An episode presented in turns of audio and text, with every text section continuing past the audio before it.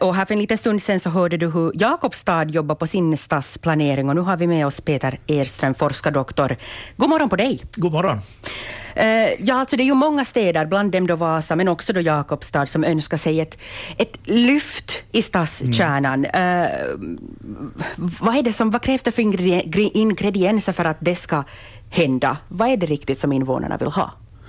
No, det finns förstås lite olika på olika ställen och så här, men ganska ofta är att du vill ha någon typ av köpcentrum, eller ska vi säga ett levande, levande centrum mm. med restauranger, kaféer, små butiker, så man ska tänka sig ändå att butiker ska vara lite annorlunda kanske i centrum än vad man är på för, i förortsmarketer och så här. Så att man vill, men framförallt att det ska leva, att det ska hända saker i centrum, att det ska liksom kännas kännas positivt och kännas attraktivt att, att vara där. Mm. Men sen är det ju det här då med den här parkeringen som vi vet. All, mm. Allihopa vill ha tillgång till parkering, ju billigare desto bättre och ju nära dörren till stället som man, man kommer så desto bättre. Men vad är det man får ge avkall på? Nå, alltså då får man ge avkall på... Vi kan säga egentligen så här att vi är i en sån här tid nu när, när centrum egentligen ska bli trendmässigt, om man ser också internationellt, så tala allt mer om bilfritt just mm. i, i centrumdelarna och där tycker jag att det här Sören Öberg vi tidigare hörde har helt rätt i att det är ett helt bilfritt område runt torget talar om i Jakobstad och det håller jag med om att Vasa är ju en av få städer där vi har alltså så kallat katuralli ännu på den så kallade gågatan och, ja. och de områdena borde nog vara väldigt mycket fredade för, för, för fotgängare. Sen är just det här att du har Torggrotto till exempel så är ju ett sätt att du avlastar just det här närmaste torgområdet med att du kör in ett halvkvarter ifrån till en underjordisk parkering. Underjordisk parkering är väldigt bra för att det mm. tar bort dem också från så att säga, synfältet och, och, och, och, och faktiskt får det till en, en personupplevelse då att kunna gå, trygg upplevelse att gå i centrum. Ja. Ehm, men när man pratar om utvecklande av stadskärnan, innebär det alltid att man måste bygga om eller förnya när man tar sig an ett sådant här arbete att, att utveckla? No, det ligger lite i naturen där att en omvandling så, så, så mm. talar man om att det ska också kännas och då ska det också gärna kanske synas att det är fräscht och nytt på en del. Men jag tycker att man ska kombinera det vad man har med, med någonting nytt. Att har man, är man en gammal stad och har, har gamla värdefulla byggnader så ska man naturligtvis hålla kvar dem och kombinera med nytt så att man skapar en intressant stadskärna som visar liksom olika lager, så man också visar att det här är en stad med, med historia och samtidigt nya och fräscha saker. Så det handlar om en balansgång där. Mm. Eh, vi tycker ju alla att det skulle säkert vara trevligt med en levande stadskärna, oavsett var vi än bor. Alltså, vi vill ha mysiga mm. kaféer, torgförsäljare, allt det där som vi var in på, evenemang. Men om vi ändå föredrar köpcentrum som, som ändå underlättar för ganska många av oss just med tanke på parkeringen och tillgången till många affärer på samma gång.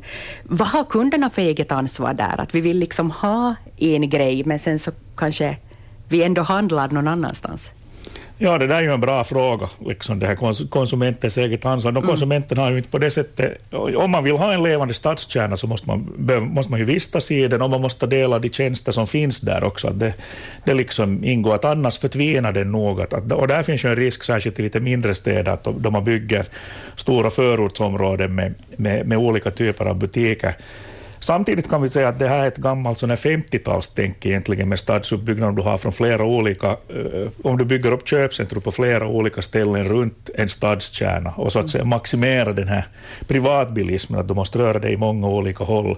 Att det är egentligen ett lite gammalt sätt att tänka på, på stadsbyggnad. Mm. Men i, i din åsikt, då, vem tycker du har lyckats med att ha en levande stadskärna med alla de här ingredienserna som vi har varit inne på?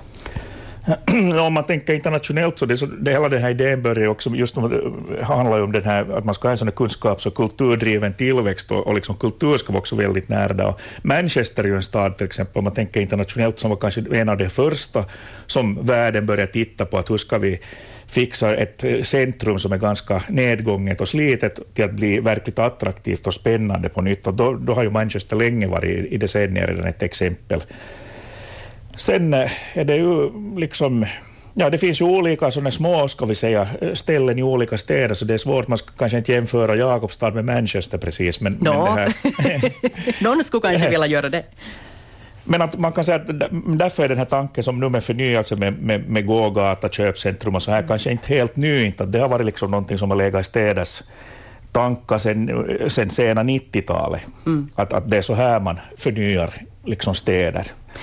Sen så finns det ju då många, många invånare som, som kanske brinner för att just Um, ja, ge liv till en viss stadsdel till exempel. Mm. Brändö är kanske där man har många invånare som, som tycker om att arrangera och ordna. Uh, vad skulle man kunna lära sig från dem och, och ta det från, från ett mindre perspektiv till ett större?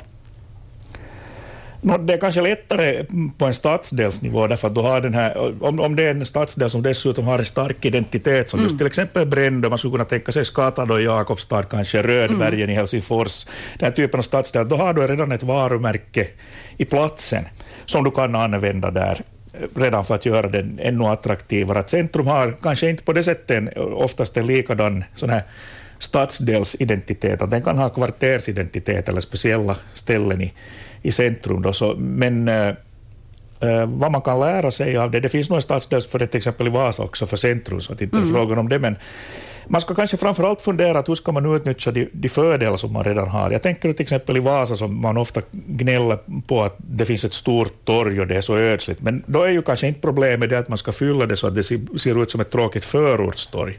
Vi har ett pampigt salutorg. Fyll det då, fundera på saker som du kan fylla det. Att till exempel på självständighetsdagen när det var sång, sång vid Frihetsstatyn och torget var fullt, så det finns få ställen, tror jag, i Finland där det var så pass fin inramning, men det kräver också att du har happenings där det finns folk. Mm. Jag brukar föreslå att på vintern så skulle man kunna ha en, en, till exempel en skridskobana mitt på torget där för att fylla ut liksom det här och skapa någon typ av, av liksom verksamhet som inte heller är bunden till när butikerna nödvändigtvis är, är öppna, öppna, utan det kan vara en kombination. Att, att fundera på olika sådana sätt att att göra centrum levande. Mm. Har man, hur, vad har man gett för svar på ditt förslag då? No, jag har inte formellt framfört det, så får säga att jag gör, det, gör det nu då i så fall, att jag tycker att det kunde man mycket bra ha. Men jag har hört andra också nämna om det, mm. precis som man har vid Rockefeller Center i New York så, och, många, och andra städer också. Det kräver inte så mycket, det kostar ingenting egentligen att, att du gör en liten sån här rink mitt på torget och då har du så att säga fyllt ut det här utrymmet för en tid och, och barn och,